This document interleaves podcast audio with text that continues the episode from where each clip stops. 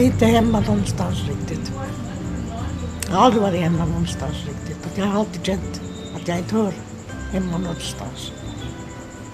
Och det, är, det är fråga om en personlighet helt enkelt.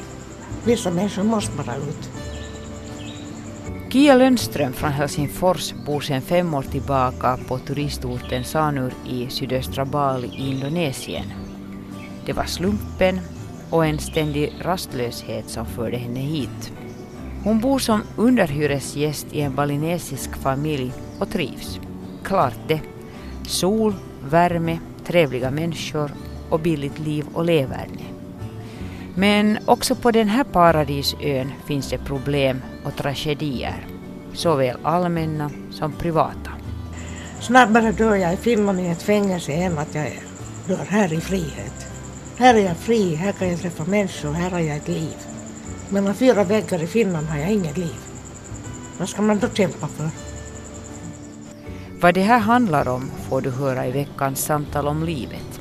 Jag heter Tina Grönros.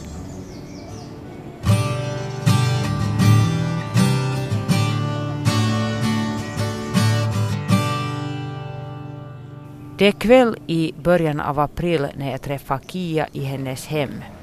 Ett stenkast från den livligt trafikerade huvudgatan i Sanur på Bali. Hon har besök av Markku, en av cirka 30 finländare som bor på Bali. Han har kommit med lasagne till Kia. Den lilla finländska Bali-gruppen är tajt och alla känner varann. Jag fick till exempel tips om Kia via Tony från Rovaniemi som jag i min tur råkade hitta via nätet. När Kia och jag äntligen träffas visade det sig också att vi har en gemensam Facebook-kompis. Quack Quack, den finlandssvenska ankdammen är liten. Också fast det kan skilja oceaner mellan oss.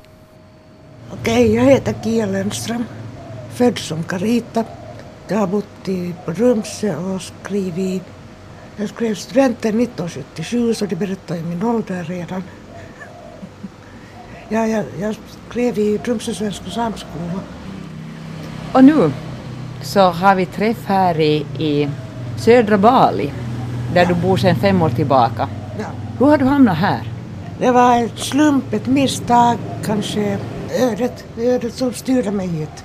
Jag var på väg med min dotter till Australien. Vi var där och sen kom vi på att nej, vi ska bort därifrån. Och så gick vi till en resebyrå och frågade vart ska vi åka imorgon? Och så sa de att ni kan åka till Singapore eller till Bali. Okej, vi tar Bali. Så här blev, det, blev vi sen. Du och din dotter? Ja, hon mm. bodde här i två år. Nu är hon tillbaka i Finland igen. Okej, okay. fick hon nog av värmen eller vad var det som gjorde att hon åkte hem till Finland?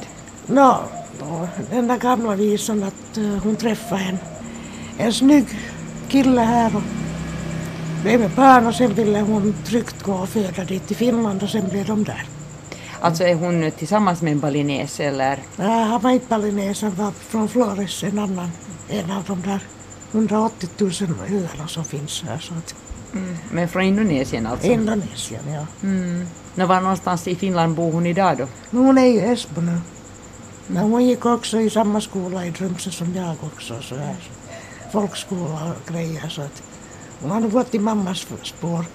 Och det där intresset för resande finns tydligen? Ja, hon är nog mera sån där hemmakatt. Men det är jag som ska ut och resa alltid. Så Bali är absolut inte, ska vi säga, första platsen du bor på? Nej. När det gäller utomlands? Nej, nej, nej. Mm. Var allstans har du bott? England, Sverige förstås, det gör ju nästan var och varannan. Ja, det där. Men sen är det ju bara de här resorna på en månad och så här så det kallar jag nu inte riktigt boende. Men det där, ja. Och sen Thailand ett år, det kallar jag boende. Och sen okej, okay, här är nu de här fem åren här. Att jag skulle nog ha bott mera utomlands men jag ville att min dotter gick i ordentlig finsk skola först. Så att man måste ju stanna där då. Hur gammal var hon sen när ni började resa riktigt sådär på allvar? Du menar till Thailand då första mm. gången? Då var hon 12-13. Vi tog ett sabbatsår åt henne från skolan. Ja, så var det. Och, ja, sen, sen gick hon färdig skolan här. alltså i Finland och hennes pappa dog. Och då hade vi egentligen inga släktingar kvar mer. Så då bara bestämde jag nu packar vi iväg. Så ni lämnade så där att ni riktigt sålde eller? Jag, så, jag sålde min lägenhet i Rumsö. Ja, du märker att jag bor tillsammans med en Bali-familj. Jag tänkte ju säga att, att din grind börjar röra på sig, att om ni hörde det där ljudet så var det en grind som rörde på sig. Jaha. Nej, men att Bali-familjen bor här. Det här Bali- är deras hus. Det här är deras hus. Och jag, jag hyr ett par rum härifrån. Ah, du är så att säga hyresgäst Ja, ja, Mm. Det är ju ganska smart boende. ja. Jag undrar just att kanske får överhuvudtaget finländare, alltså utlänningar, får de alls eh, köpa bostäder här? Ah, nej, de får inte köpa det. De får inte äga någonting. Men de får ju hyra för 25 år framåt om de vill. Ah, ja, så det är ju nästan samma Det är sak. nästan samma sak då. Ja. Man får inte äga mark. Det är bara indoneser som får äga mark här också. Ja. Nåja men hej, vi åker tillbaka till Thailand. Jag menar vilket år var det här nu som, som ni tog det här sabbatsåret? 2005, 2006. Sen var vi fyra år tillbaka så att Millie skulle avsluta sin skolgång. Om vi nu lite börjar fundera på det här med din lust att resa. Så vad beror den på? Ja, det beror på rastlöshet. Jag är inte hemma någonstans riktigt. Jag har aldrig varit hemma någonstans riktigt. Att jag har alltid känt att jag inte hör hemma någonstans. Och det, är, det är fråga om en personlighet helt enkelt. Vissa människor måste bara ut. Och vissa vill stanna hemma och vara hemmakatter. Ja. Vad får du ut av det här med att sen vara annanstans än hemma, om vi säger Alltså att Finland är hemma? Ja, det, det här ger mig hemskt mycket för att jag träffar så hemskt mycket olika människor. Nya tankesätt, nya vy- vyer av allt möjligt. Och det är helt fantastiskt alltså. Det är, och kulturer. Jag älskar antropologi och kulturer och grejer. Så, mm. Jag menar, det här är den bästa jag man kan tänka sig om man vill forska i någonting. Det kommer att ta hela livet för mig att forska i det här. Nå, vad är det med Bali då som är så speciellt? Den här kulturen är någonting som absolut är helt enastående. Den är så invecklad att inte ens, en, inte ens balineserna själv vet riktigt allt vad de sysslar med. Då får du berätta lite mera. Att det är de här prästerna, högsta prästerna, som de har tre kalendrar här och de ska avläsa de här kalendrarna när man ska göra det ena och när man ska göra det andra. Det är alltid prästen som avgör exakt när ett hus ska byggas och också den här kulturen åt vilket väderstreck ska huset byggas, var ska templet finnas och så när ska en begravning göras. Det beror allting på de här kalendrarna som de använder. Och de är så invecklade att man måste vara högsta prästen för att kunna det. Det här är en sorts hinduism, men Den påminner väldigt lite om indiska hinduismen. Den här är helt pali-hinduismen själv och den är inbakad med animismen egentligen. För de har alla varit animister här på de, i Indonesien, på de olika öarna. Som till exempel, där finns öar som är katolska och som är ja, kristna, vad som helst, alltså de är mångkulturella. Också från, från Kina finns det. Men det som är gemensamt för alla här i Indonesien är att grunden är animistisk. Och det betyder vad då? Det betyder att man lyssnar på naturen till exempel. Allt har en betydelse. Som till exempel ett träd är din bror. Ja, det är liksom, de är levande varelser. De är inte bara ett träd utan det är levande varelse. Och de största, finaste träden här, de har sitt eget tempel. Man gör ett eget tempel runt omkring. Ja men det har jag mm, lagt märke till. Ja, och sen har de ännu de här tempelskynkorna på sig och de är heliga träd.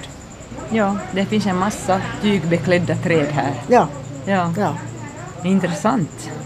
Ja de har alla sina egna själar och de, hur ska man säga, här är ju, det är ju gudarnas öde här så att de har ju en huvudgud men att ändå så det finns flera, flera smågudar sen.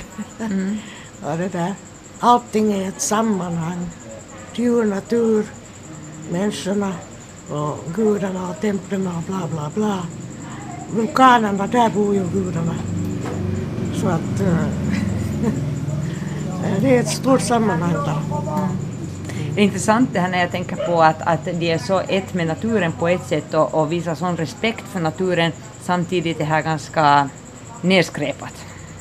Ja, men det är på grund av att de har inte hunnit ikapp nu här den här plastpåstiden. Och de fattar inte, här är massor med oskolade människor. Det finns an analfabet hur mycket som helst här. I min ålder också och yngre finns analfabet hur mycket som helst. De har aldrig gått skola. De har aldrig fått... De tror att plast är samma som papper, att det, det, det försvinner. De, har, de, vet, de vet ju inte vad de gör. Alltså. Som till exempel min städerska, hon är fiffig, hon är så sabla fiffig. Vad jag inte kan reparera så reparerar hon, men hon kan inte läsa in, inte en enda bokstav. Hon har aldrig gått i skolan. Hur kommunicerar du med, med till exempel just din städerska, för jag kan ju anta att, att hennes engelska kanske inte är så god? No, nej, hon kan kanske två ord engelska. Så att jag, jag, jag har ju varit tvungen att lära mig indonesiska. Jag har hört här när vi har åkt runt Bali, så, mm. så chaufförerna de är ju helt fantastiska på att berätta om Bali. Och de, de är ju så stolta över sin ö och de kan allt, eller berättar jag. Kan och kan. De kanske berättar olika sanningar alla. Ja, jag tycker det också. Ja, ja det, det kommer nog ja, olika ja. historier. Men, men det där, de har talat då om att, att de, många av dem kan både indonesiska och balinesiska och säger att det är två helt skilda språk. Ja, det är som finska och finlandssvenska. Så att, vilket språk tror du att det är lättare att lära sig? Indonesiska, eller balinesiska? Indonesiska utan vidare. Mm. Och det har du större nytta och användning av? Ja, för att då kan jag resa runt överallt. Inte för att jag vill det, men att Mm. Alla som kommer hit kan det språket. Mm. Och här är väldigt många arbetare från andra ställen i Indonesien, från andra öar. Och också taxi, taxichaufförerna, de kan vara från en annan ö och sen kan de berätta vilken historia som helst. Åh, oh, så jag blir som turistlurad? Japp! Snopet. Men de är väldigt trevliga balineserna här, eller ska vi säga indonesierna för att nu när ja, man inte... alltså jo, jo. No, Eller? Jo, så, så fort du betalar så är de tråkiga. Men så... det är nog nästan överallt. Nej, men jag måste säga att jag har många balinesiska vänner och de är helt härliga. Så mm. min familj, de hjälper mig. Det är inte, det är inte frågan om pengar.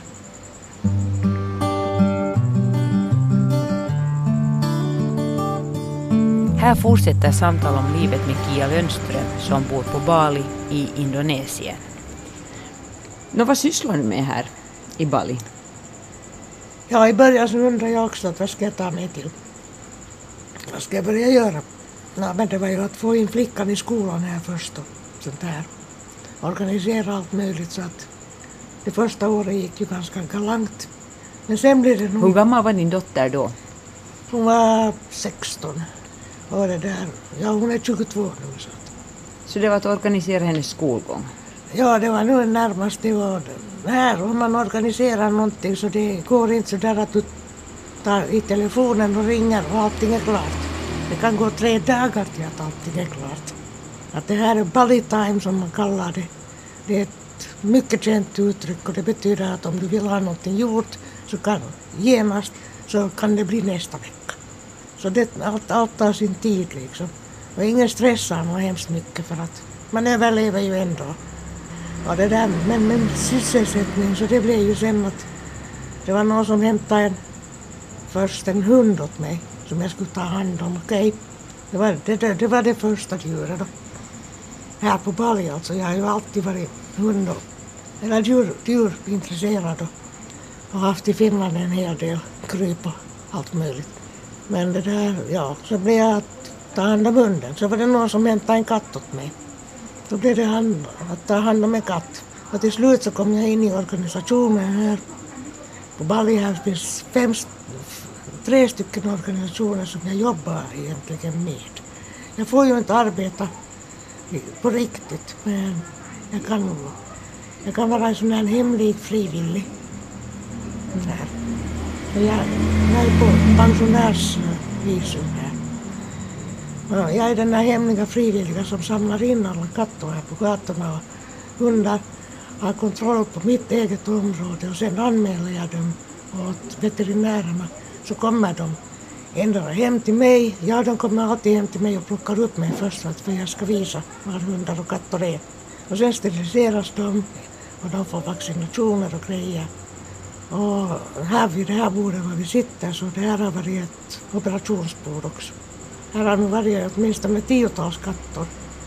Och sen större hundar har varit här nere på golvet. Och där har de opererats och fixats.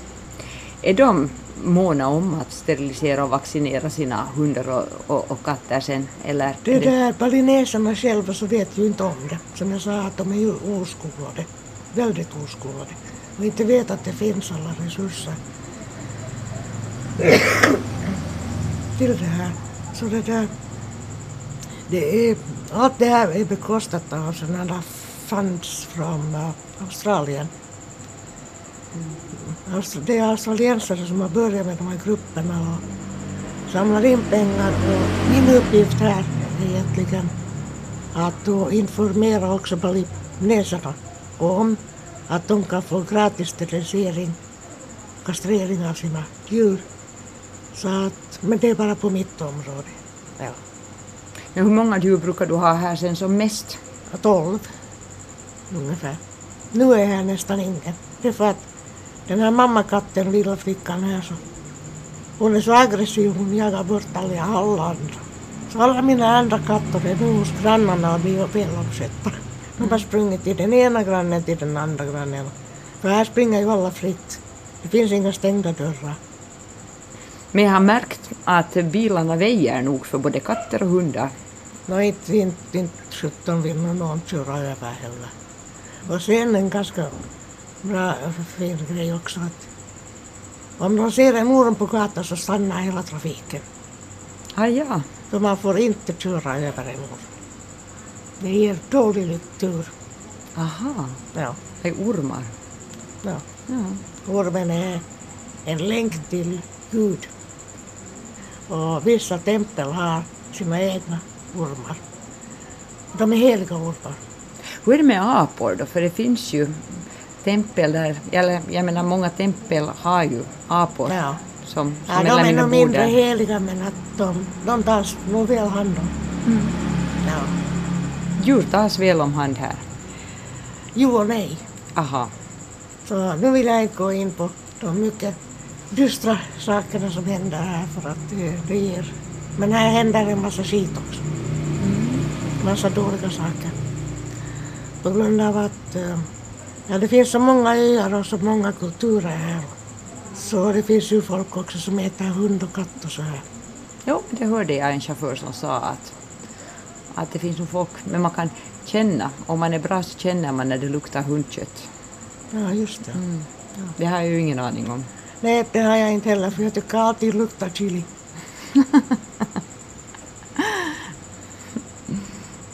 Vad är det med, med det där, nu när vi talar om sysselsättning, du sa att du är på pensionärsvisum här. Ja. Mm. Vad har du jobbat med tidigare i Finland? Ja, mitt yrke är undersköterska. Men jag har jobbat med massa annat också. Inom elektronik, inom vad som helst. Alltså. Mångsysslare? Mångsysslare för att precis som det här resande och rastlöshet så jag hålls inte på ett och samma ställe någonsin. Men du har hållit ganska stationärt när du bodde i Finland, ändå i Helsingfors. Ja, Så du är helsingforsare. jo, jo. Ja. Men jobben har, har lite växlat. Jobben har nu växt sen. Ja. Men du är utbildad ändå inom vården. Ja. Men ändå inte kanske varit riktigt din grej. Jo, alltså jag, jag älskar vårdgrejen men ja, jag har ju det här att jag älskar att forska i saker och lära mig saker och sådär så att det här med människokroppen och allt sånt där och, och botemedel och allting sånt där, det, det är min stora passion. Vården är nog helt det, det rätta för, området för mig. Men kanske inte systemet på hur det vårdas på sjukhusen och hur man vårdar sina patienter. Det mådde jag väldigt illa av. Och sen också att kunna nästan avläsa att aha, om två veckor så kommer den där att vara död när den kommer in genom sjukhusdörrarna. Det var väldigt tungt. Jag, jag är lite för svag människa för ett sånt yrke också. Jag borde ha varit mera inne på, på forskningen istället för att vara inne i det konkreta. Jobbar du på sjukhus då? Ja, på kirurgiska avdelningen. Oh, ja. Ja. Om vi backar riktigt eh, tillbaka i tiden då till, till att du föds. Året är 1957. Ja. Eh, I en hurdan familj är du född? No, jag blev adopterad som fyraåring. Jag bodde före det bodde jag på barnhem. Jag blev dumpad så fort jag föddes. Och sen kom jag in till en finlandssvensk familj på Drumse. Och det är därifrån allting har börjat. Du har ingen aning om då vem som är din biologiska Jo, jo, mamma? alltså, alla är ju intresserade av att ta reda på. Så jag började ju forska i det då när jag i tonåren redan så. Och sen fick jag höra att Frälsningsarmén har en sån här service. Så jag gick till dem och sen fick jag veta mamman, mamman i alla fall. Och där, därefter så fick jag, ja men då var jag ungefär 15 år. Jag var först 25 år när jag träffade henne första gången. Och det där, efter det så har jag träffat också min biologiska pappa. Ja. Så att det är väldigt viktigt för en människa att kunna veta vem, varifrån man kommer. Och också så här att om man tänker på att man behöver ju veta vilka möjligheter och vilka faror och så här när det gäller sjukdomar. Vad är ärftligt? Vad finns i familjen, i generna och allting sånt här. Så det är ju väldigt viktigt. Det är därför jag inte tycker om det här att man kan gå till en spermabank och göra hur som helst. Och barnet aldrig får veta varifrån den härstammar. Nå, hur var det att träffa sina biologiska föräldrar sedan då? Ja, det var ju en stor chock att träffa min mamma. Ja, det var nog så... Det, var, alltså det, det går inte att förklara hur, hur, hur nervpirrande det är och hur, hur liksom, det bara susar i huvudet på en och man, man vet inte vad man heter ungefär. Så här, och för, samma var det för henne också. Men vi kom jättefint överens. Vi blev liksom på nytt, hur ska man säga, kan man nu bli kär i sin mamma? Men det, liksom, vi blev helt förälskade i varandra. Ja, så, men att nu har vi tappat kontakten igen lite senare. Men hon är ännu i liv. Uh, ja, vad jag vet för att uh, jag skulle annars bli, ha blivit informerad. Har du då frågat av henne också varför hon valde att, att lämna ifrån dig? Ja, jag vet nog historien så att det är inget problem. Eh, Det var ju en fattig familj och sen han kom från en rik, pappan kom från en rik finlandssvensk familj och 1957 så var det en stor katastrof. Att han, han gjorde en så att säga tjänsteflicka på smällen.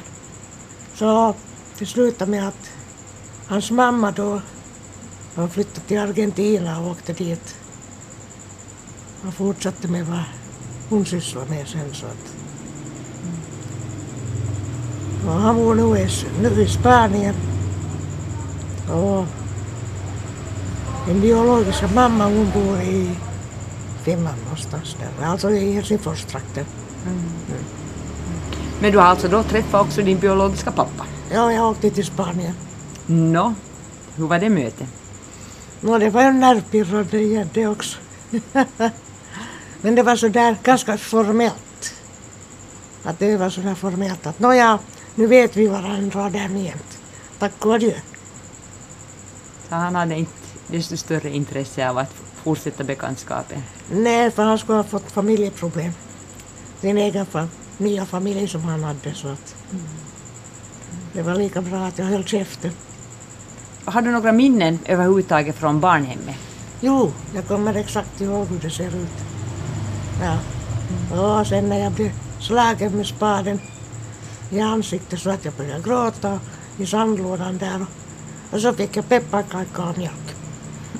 Var det en annan, ett annat barn förstås som slog dig där? Jo, jag blev det helt var en chockad först. Det var en pojke som slog. Ja. Mm. En liten pojke. Det det är ju ett sätt för barn att visa att de tycker om. Mm. Mm. Men din finlandssvenska familj, alltså din adoptivfamilj, Ja, så är det Lönnströmare då eller är det... de är Lundström. Ja. Ja, så att det är ditt flicknamn? Ja, Ja. Jo, jo. Fyra första åren var jag finskspråkig. Men sen blev jag totalt svenskspråkig. Hur skulle du beskriva dina barndomsår? Hur, hur, hurdan barndom hade du? Nu tystnar du, Kanske vi skippar den delen. så att du inte alls vill tala om det, eller? Nej. Du hade ingen sådär extra bra barndom då, hör jag. Ja och nej. Nej, jag, jag, jag är sån där människa att jag går inte tillbaks till det förgångna. Utan jag försöker leva i nuet och sen se framåt. Det är ingen idé att hålla på och gräva i det förgångna. Man blir inte alltid så glad då. Så det där med ljuva ungdom så det kan de nu går och dra sig med. Att det vet jag inte vad det är frågan om ens. Okej, din ungdom var inte ljuv. Nej.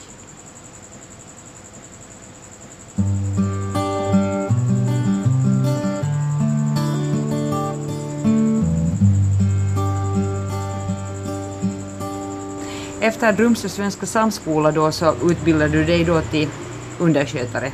Här först så flyttade jag till, till Sverige, till Stockholm. Och där började jag jobba på Stockholms sjukhem med, inom åldringsvård. Efter några, några år så flyttade jag upp till Hudiksvall och där gick jag sen den där undersköterskeskolan. Ja, det är underskötare och vad heter det, när, närvårdare heter det här nu för tiden Mm. i Finland. Men det där, på den tiden så, till mitt jobb sen som undersköterska där i Hudiksvall hörde jag att på morgnarna ta blodprov av alla patienter på avdelningen. Och sen liksom, jag hade sjukskötarens ställning egentligen. Det är inte som att jag höll på att bädda sängar. Ja, på 70-talet var det ju många finländare som flyttade till Sverige. De blev också kvar i Sverige. Ja, Så blev inte du. rastlöshet. Där har vi det igen. Ja. Mm. Så Det kan kom- inte vara, det, är, det är mycket sällsynt att, som nu att frivilligt har jag stannat i fem år på ett och samma ställe. Men här är så mycket att forska ännu så jag har inte tid att åka någonstans. Nå, efter Sverige flyttade du då tillbaka till Finland. Ja, ja däremellan, före, före det där Sverige så var jag ju i England också ett halvt år och så här. Vad gjorde du där? Jag träffade min pojkvän förstås. No, men, alltså, till Sverige åkte jag också efter en karl. Det var ju så jag hamnade dit. Det är den där kärleken som för. Det är kärleken som för, ja. Inte, inte, inte, inte ska jag anstränga min hjärna för mycket heller. Men ändå sammanlagt så har du väl ändå bott längsta tiden av ditt liv i Finland. Japp, Så det är nu där som du egentligen har ja. både dina rötter och där du har, ska vi säga, bildat familj och, och levt en stor del. ja. No, din tid. för det att inte rötterna bildar familj där så familjen började med att jag åkte iväg till, till Istanbul och där träffade jag min dotters blivande pappa. Han var finländare. Det visade sig att vi bodde 300 meter ifrån varandra i Helsingfors, mitt inne i stan. Men vi måste ju åka till Istanbul för att träffas. Han, har du varit gift med honom också? Att Nej. nej. Nej, det, jag, jag kan inte binda mig. Jag kan aldrig gå och lova någonting. För jag, jag kan ju inte lita på mig själv med min rastlöshet, vad jag ska göra nästa, nästa gång. Hej, det där påminner mig om att, att eh, när jag före resan hit till Bali så försökte jag lite sådär att men, när ska vi träffas och jag gav lite datum att då och då kommer jag att vara här i det här området här i Sanur och så och, och då skrev du tillbaka att, att du har svårt att veta vad du gör just den och den dagen för att det beror helt på. Ja, det är precis så det är. Mitt liv är precis det. Och vad gör du här förutom ta hand om, om ska vi säga, övergivna djur? ja, jag organiserar också inne på nätet. Det kan gå flera timmar per dag att sitta inne på nätet. Jag informerar och ger råd åt folk som behöver när det gäller hundar och katter. Mm. Det är en sån här informationscentral som sen vidarebefordrar uppgifter och information liksom till veterinärer och så här. Jag, sa, jag är sån där insamlare av det ena och det andra. Så det gör jag här hemma. Sen när jag går ut på gatan så jag vet aldrig vad som händer. Det är alltid någon som står med en karta i handen och sen plötsligt har jag en, ett par turister som jag följer med i två dagar och är som guide åt och så här. Liksom jag går alltid fram och frågar att jag behöver ni hjälp och sen, sen fastnar man där. Jag vet aldrig, tio meter ut här från den här porten så vet jag aldrig vad som händer. Du bor ju ganska nära också stadens huvudgata så att här är ganska mycket turister. Ja, alltså alla samlas ju här på mitt område. Både övergivna djur och turister. övergivna turister och djur, ja. ja, övergivna turister också. Mm. Och sen har jag ju nu när Millie, min dotter, hon flyttade ut så då har jag hennes rum här som jag hyr ut också. Mm. Så jag får hit en massa intressanta människor. Från olika delar av världen? Yes. Amerikanerna är de härligaste. Varför det? Ja, de är, de är nog härliga. Alltså, jag har haft tre amerikaner här. De har nog alla varit helt ljuvliga. Vet vet jag vad det är med dem. Kanske för att de är sådär utåtriktade och spontana också. De är spontana framför allt. Ja, och det, det tror jag det passar mig. Mm. Ja. Det så du skulle beskriva dig själv också? Eller det vet jag, jag märker ju det. Jag ja, menar. jag. Ja. Ja. Ja. Jag skulle just ha frågat att, att hur försörjer du dig? För jag menar, jo, man ja, lever billigt här. Ja, det är just det att det kommer. Ja. Och det är det att jag hyr ut den här. Mm, för jag menar just för det här djurarbetet, djurskyddsarbetet får du ja, tydligen får ingenting. ingenting. Nej, Nej, det är frivilligt allt. Ja. Mm. Jag får hyresinkomst, ja.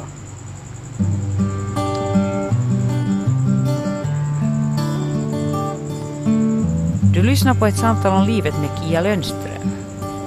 För en tid sedan fick hon bekräftat det som hon misstänkt rätt länge, det vill säga att hon har cancer. Ja, jag har lymfoma, lymfcancer. Mm, jag såg när jag kom så såg jag att du är uppsvälld bakom ena kinden. Ja, det är lymfan mm. helt enkelt. Och så att, men det är ju bara att vad jag egentligen just nu gör så jag, jag helt enkelt överlever en dag i sänder. Och jag går också på kemoterapi och grejer. Och, så att vi får se. Ja, jag har inte givit upp, upp, upp hoppet. Och sen jag har inte blivit, jag har inte förnekat det här. Jag har inte blivit arg på det här utan jag tar det som det är.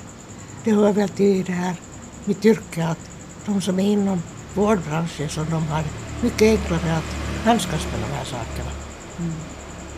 När upptäcktes din cancer då? Mm, den upptäcktes för, för ungefär fyra, fem månader sedan.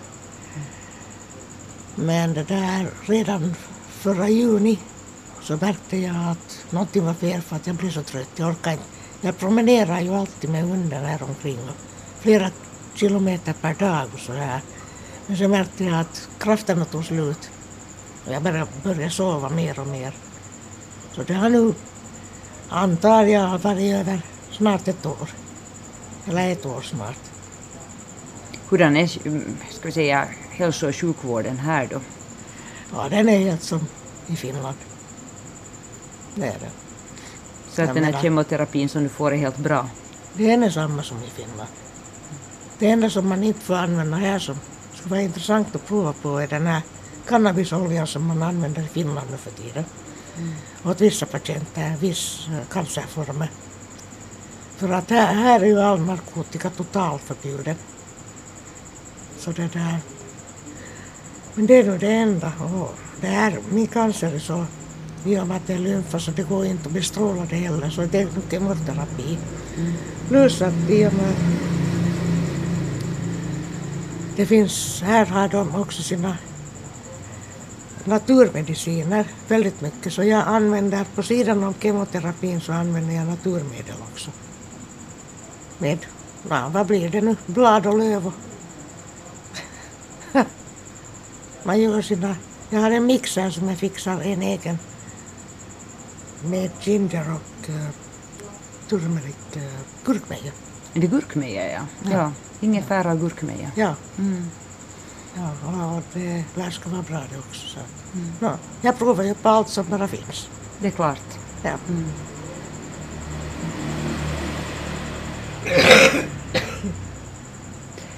Har du väldigt ont? Ja, jag hade bra dagar och dåliga dagar. Just idag måste jag ta en tablett. Att nu när ni kom så, eller han kom den här, min kompis här kom Mm. och hälsade på, hämtade lasagne åt mig. Så, så vad heter det, då låg jag på en siesta för jag hade tagit en värktablett. Men jag, jag, jag har, med vissa dagar jag har ont och vissa inte. Och det där, jag har ju fått morfin redan men det, jag undviker det för att det, det, det tar på krafterna så mycket. Så jag tar vanliga värktabletter bara just så att man klarar sig. Men jag behöver inte varje dag värktablett ens. Hur ofta går du på behandling då? Det där, jag har en sån här hemmabehandling. Så jag går en gång var tredje vecka till sjukhuset. Men sen fixar jag det själv här hemma. För jag tänker inte ligga inne på ett sjukhus och bli behandlad. Och därför åker jag inte tillbaks till Finland och blir behandlad. För där skulle de lägga in mig. Tänkte just att, vet att när många blir sjuka så då far de hem till Finland igen, men det gör inte du. Nej, herrejösses, för det är ett fängelse. Jag menar, snabbare dör jag i Finland i ett fängelse än att jag dör här i frihet. Här är jag fri, här kan jag träffa människor, här har jag ett liv. Mellan fyra väggar i Finland har jag inget liv. Vad ska man då kämpa för?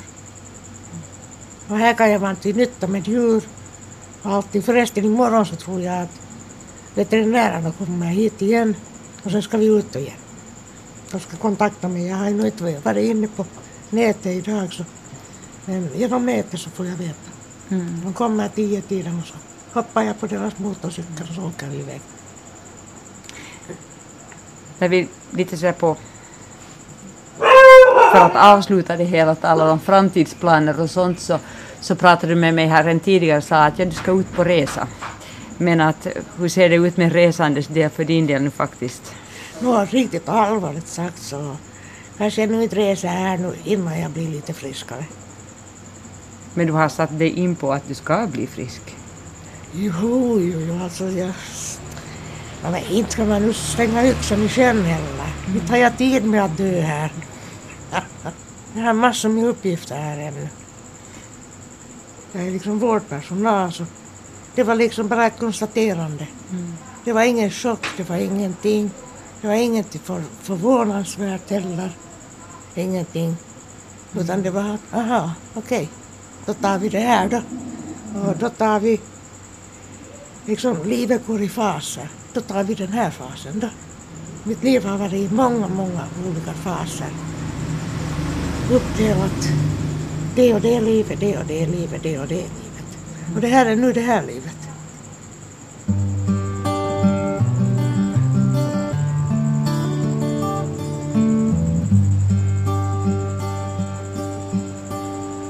Vi annars ju, jo jag vakar nätterna.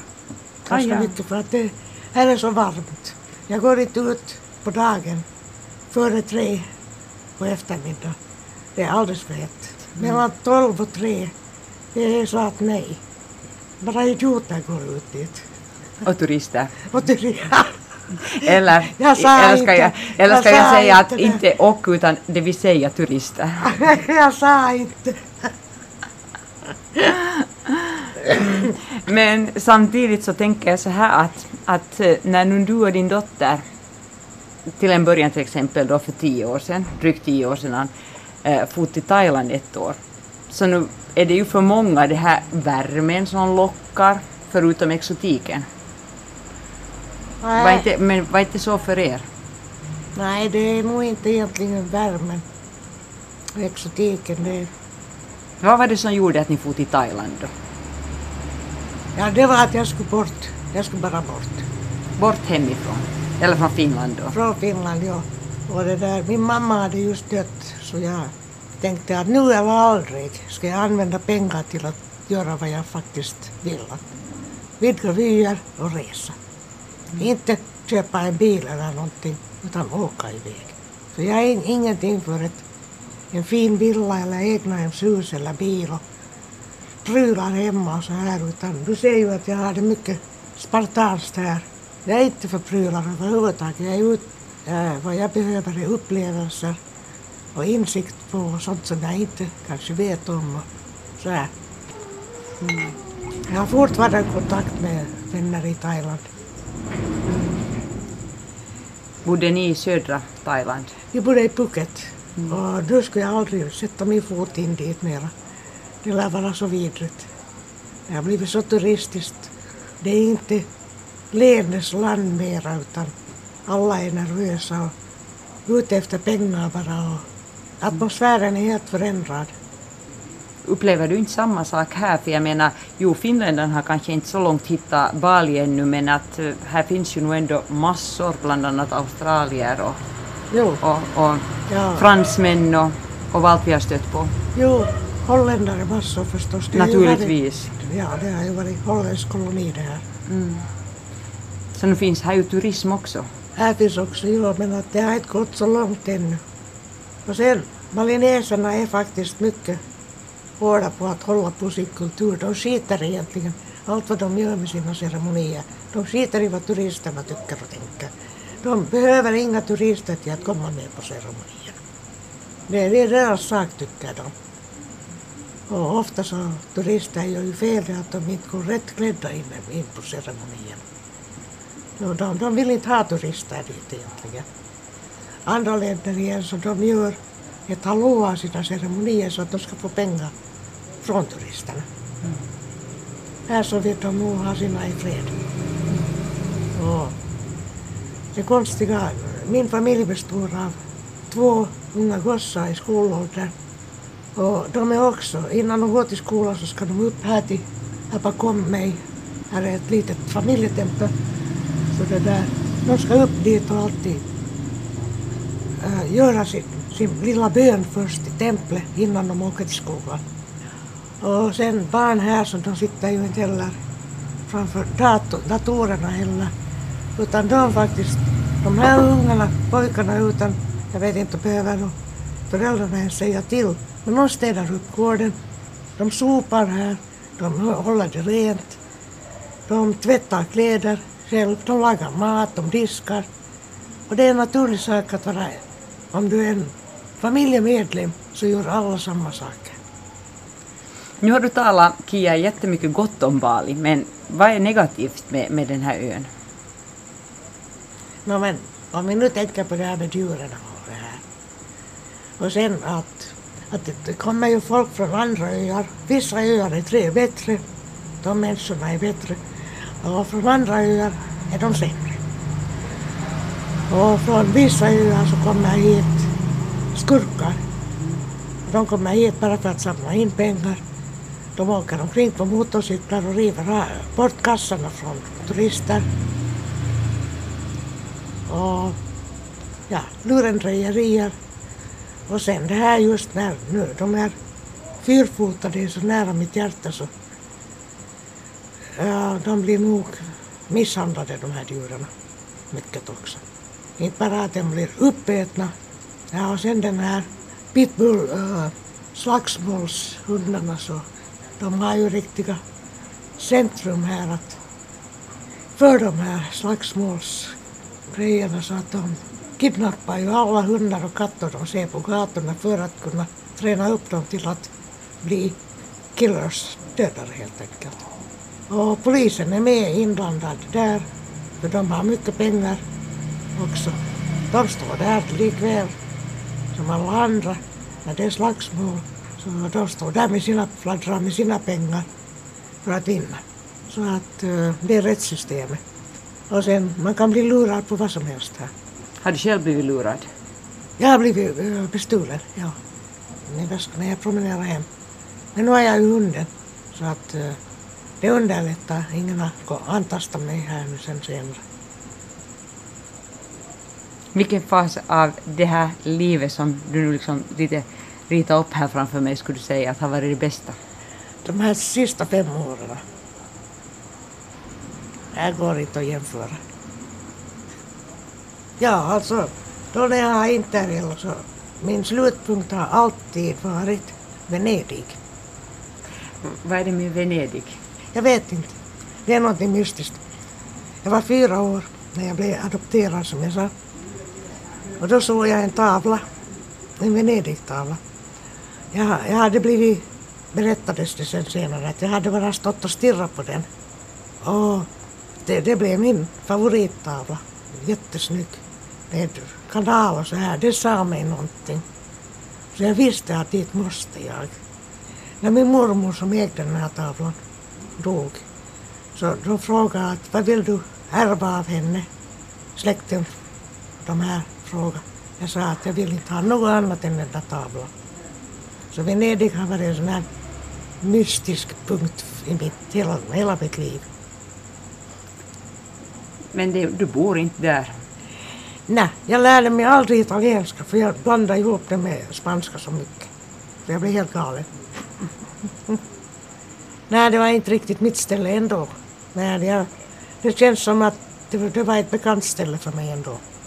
Det var liksom att jag kände mig varje gång jag kom, kom till Venedig och kom över med tåget dit till de öarna, hela ön. Jag började gråta helt enkelt. Det var sån känslomässig upplevelse. Det var som att komma hem alltså.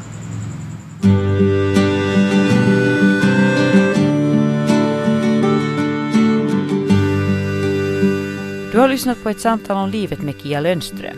Jag som träffat henne i Bali heter Tina Grönros.